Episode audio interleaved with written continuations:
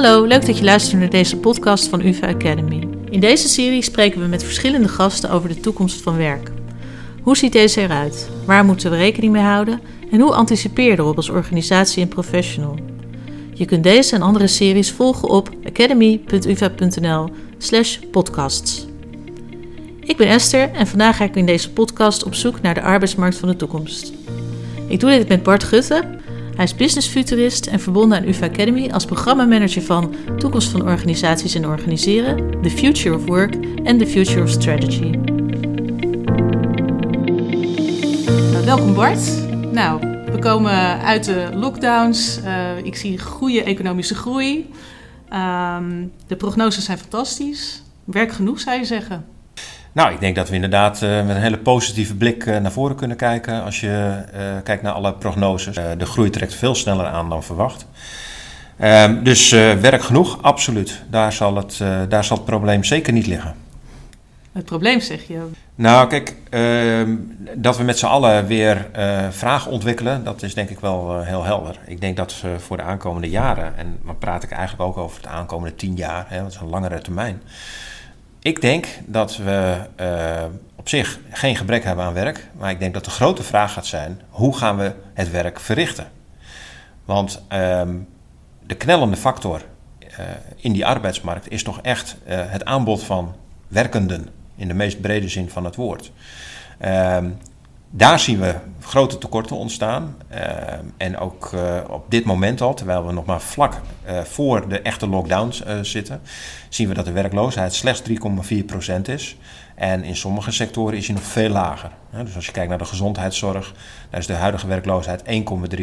Het aantal vacatures is gigantisch. En daar is de roep om, om werkenden uh, hoger dan ooit. En zal waarschijnlijk in de aankomende tien jaar alleen maar groter worden. Ja, de, de, dat het uh, in de zorg groeit, dat, dat klinkt inderdaad logisch. want daar is ook heel veel vraag op dit moment.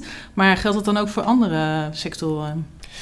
Ja, dat is een goede vraag. Dat geldt voor vrijwel alle andere sectoren in Nederland op termijn. En op termijn heb ik het over de aankomende tien jaar. Um, wat je ziet is dat we demografisch aan het kantelen zijn. Dat wil zeggen, we krijgen een steeds oudere populatie. En we zien dat het uh, jonge aandeel in de arbeidspopulatie uh, gaat krimpen. Steeds meer mensen met pensioen, steeds minder nieuwe arbeidskrachten op die arbeidsmarkt. En dat is een uitdaging voor alle sectoren. De economische groei ziet er goed uit. Uh, we hebben perspectief. Er is werk genoeg. Er komt eigenlijk steeds meer werk bij. En tegelijkertijd hebben we die krappe arbeidsmarkt. Uh, dat klinkt als een enorm dilemma. Hoe, uh, hoe komen we hier uit? Ja, ik denk dat dat de centrale vraag is. Hoe, gaan we, hoe gaan we hiermee om? En om het niet al te moeilijk te maken, denk ik dat we kunnen kijken naar drie dimensies, drie assen. Ehm, waarbij je eruit zou kunnen komen door in eerste instantie op zoek te gaan naar meer werkenden. Meer werkenden. Meer werkenden. Maar je zegt net dat de arbeidsmarkt krapper wordt. Ja, dat klopt. Dus dat wordt een hele zoektocht. Tegelijkertijd uh, is er uh, in Nederland alleen al zijn er nog ongeveer 3,5 miljoen mensen die wel aan het werk zouden kunnen, maar die, uh, ja, die op de een of andere manier niet aan het werk komen. Er zijn vele redenen voor. Um, en als ik het heb over bijvoorbeeld lage werkloosheidscijfers, dan zie je dat daar ook nog wel wat variatie in is in verschillende groepen in de samenleving. Dus meer mensen aan het werk krijgen betekent ook voor ons als organisaties, als werkgevers, dat we misschien wat ruimer moeten kijken naar de mensen die voor ons zouden kunnen werken. Ja, want daar zijn we soms wel heel strak in. Die andere dimensie, uh, een andere dimensie, of tweede dimensie, is uh, we kunnen ook op een andere manier dingen gaan organiseren. Werken we nou echt wel zo effectief met elkaar? En uh, zijn we niet een heleboel tijd kwijt aan dingen uh, in het werk die niet de essentie van het werk zijn waar we voor staan. Die niet echt effectief en productief een bijdrage leveren. En de derde optie is, uh, we gaan met z'n allen langer werken. Want er is wel veel werk te verrichten. En langer werken, waar moet je dan aan denken? Nou, we hebben heel veel deeltijdwerkers in Nederland. Die zouden allemaal wat meer uren kunnen werken. Dat zou enorm schelen. Maar, dat, nou, dat, is dat staat op weerstand natuurlijk. Absoluut. Dat is een, dat is een, dat is een, dat is een, dat is een hele uitdaging. Uh, niet een mindere uitdaging, maar daar hebben we in ieder geval stappen in gemaakt. We zouden de pensioenleeftijd nog een keer uh, versneld kunnen verhogen. Maar dat betekent wel dat we meer gaan vragen van oudere mensen. En dat is ook niet altijd even makkelijk. En er is nog een laatste optie die je weinig hoort, maar waar je best wel eens over na zou kunnen denken. We zouden ook kunnen denken gewoon aan überhaupt langere werkweken. En denk bijvoorbeeld aan een zesdaagse werkweek. Dus uh, in plaats van naar de toekomst gaan we dan eigenlijk terug in de tijd. Ja, en dat klopt. Dus goede constatering. Maar niet eens zo ver terug in de tijd. De, de vijfdaagse werkweek is sinds de jaren 60 pas ingevoerd. En dus we hoeven niet eens zo heel lang terug te kijken om, om weer naar die situatie te gaan. En begrijp me niet verkeerd, ik zit er ook niet op te wachten. Ehm, maar er is heel, werk, heel veel relevant en betekenisvol werk te verrichten. En de vraag is, als we dat niet via een van de andere opties doen, ja, dan is dit toch ook een van de opties waar we aan moeten denken. Ja, en ik kan me voorstellen dat er enorm veel weerstand is op, uh, op het langer werken en op het, nou ja, de werkweek ook langer maken. Ehm, langer werken tot je met pensioen is, natuurlijk een heel actueel onderwerp waar, eh, waar behoorlijk over gevallen wordt door heel veel mensen. Um, maar als je het hebt over. Um, ik denk dat er heel veel mensen denken. Nou, zullen we eerst proberen om het anders te organiseren? Ja, en terecht, want dat is eigenlijk de meest makkelijke optie. Um, ik denk dat er heel veel perspectief nog, uh, heel veel winst is te behalen in anders organiseren. Uh, eens goed kijken naar de manier waarop je het werk ja, coördineert met elkaar. Waar werp je barrières op die eigenlijk niet nodig zijn? Waar zorg je ervoor dat uren ja, besteed worden aan zaken die je eigenlijk niet zou willen besteden? Daar kunnen we nog ontzettend veel winst halen als we daar wat scherper in zijn en bereid zijn om ja, een wat bredere blik en wat, wat meer innovatievere manier van werken te omarmen. En dat geldt, dat geldt voor de manier waarop we werken, maar dat geldt ook voor de manier waarop we het organiseren. En dat geldt ook voor de manier waarop we de arbeidsmarkt inrichten. Dus als ik het goed begrijp, hebben we dan drie opties: langer werken, meer werkende of anders organiseren. Zeker. Uh, nou, dat lange werken, daar zit eigenlijk niemand op te wachten. het meer werkende krijgen is een heel lastig verhaal. tenminste, dat is iets wat we al jaren proberen, maar waar we steeds tegen barrières aan lopen. als we het hebben over meer werkende, zijn er dan nog zoveel meer werkenden? Ja, er zijn ontzettend veel meer potentieel werkenden die op dit moment geen werk uh, kunnen vinden of die we niet aan het werk krijgen. En uh, denk bijvoorbeeld aan werkloze migranten, uh, werkloze jongeren, mensen met afstand op de arbeidsmarkt. Daar is de werkloosheid een stuk hoger nog dan die gemiddelde cijfers waar we altijd naar kijken. maar een hele opvallende categorie, vind ik, zijn, zijn al die deeltijders die zeggen dat ze gemiddeld 12 uur per week meer willen werken. Dat zijn er honderdduizenden. Als we die groep alleen al nou eens aan het werk zouden krijgen, dat zou enorm veel schelen. Want ze zijn dus bereid om meer te werken terwijl ze al werken. Waarom doen we dat dan niet? Ja, dat is een hele goede vraag. Uh, ik denk dat we dan toch vooral moeten kijken naar hoe we dingen anders kunnen organiseren. Dus die derde as. Um, als zoveel mensen aangeven dat ze meer willen werken, dat ze beschikbaar zijn en al werk uitvoeren, dan is de grote vraag: wat is dan de barrière? Waar lopen we dan tegenaan? En uh, die barrières die werpen we zelf op. Uh, waarom? Omdat we wat extra moeite ervoor moeten doen. Dus als ik je zo hoor, dan is er eigenlijk best wel veel potentieel, maar benutten we dat niet uh, optimaal? Als we gaan kijken naar dat soort barrières, dan is het denk ik al goed om helemaal aan het begin te kijken naar bijvoorbeeld vacatureteksten.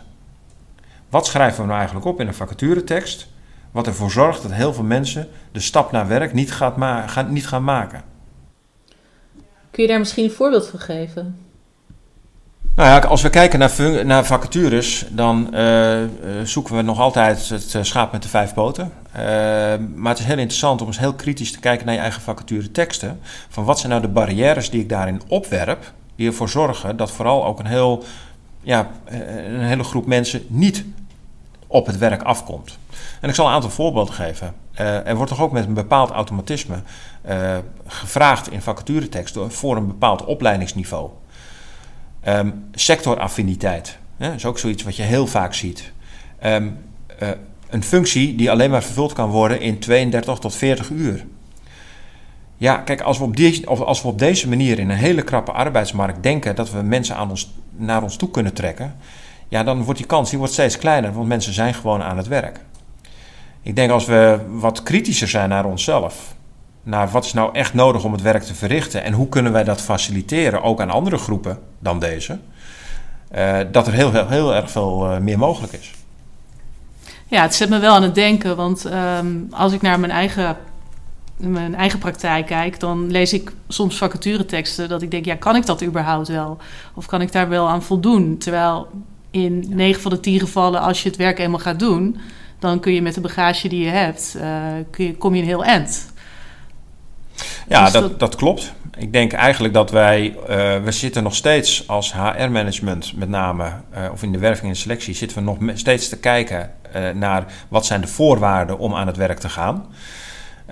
maar wat veel belangrijker is, is welke bijdrage zou je kunnen leveren? En op het moment dat je als een werkgever met, een, ja, met, met werk waar je een vacaturetekst voor maakt, zou ik zeggen, schrijf eens op wat nou eigenlijk de bedoeling is, wat de bijdrage is die je vraagt. En misschien moet je helemaal geen criteria stellen en gewoon eens zeggen van, denk jij een waardevolle bijdrage te kunnen leveren? Benader ons, hè? kom met ons in gesprek. Zodat je vanuit een veel opener houding gaat kijken naar mensen ja, die, uh, die het werk voor je kunnen verrichten. Dat heeft twee voordelen, denk ik. Eén eh, is, de, je, je verlaagt de barrières. Heel veel mensen haken al af bij je vacaturetekst. Dat is goed om in de gaten te houden. En het tweede is, ik denk dat je nog eens hele, ik denk dat je ook hele nieuwe, creatieve uh, vormen van werk terug gaat krijgen. Mensen waarvan je dacht, hé, hey, uh, dat die hierop afkomen, dat had ik niet gedacht.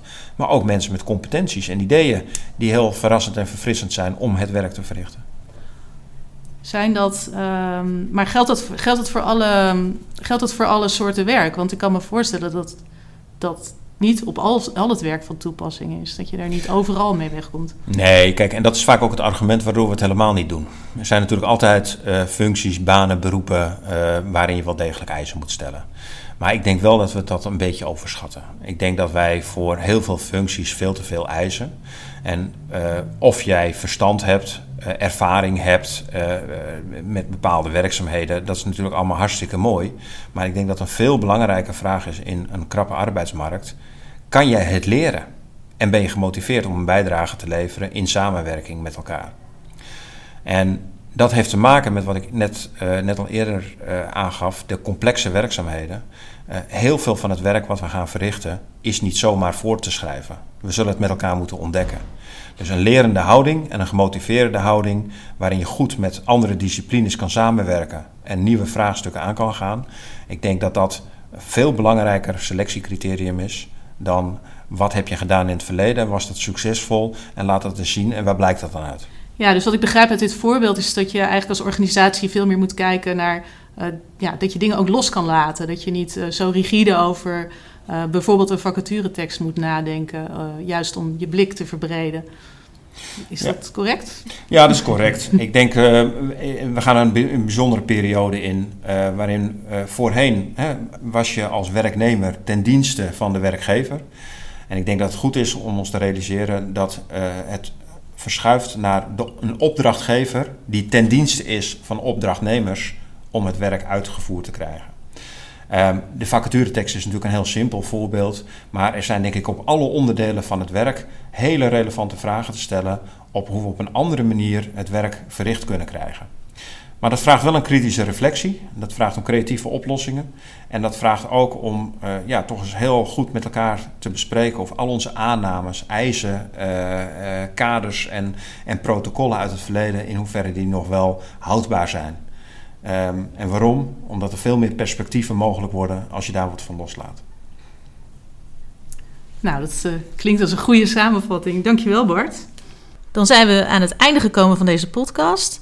Mocht je nou meer willen weten over de onderwerpen die langs zijn gekomen, of wil je meer podcast luisteren, of heb je ideeën, uh, vragen naar aanleiding van deze podcast, dan ben je van harte welkom op onze website academy.uva.nl/slash toekomst van werk.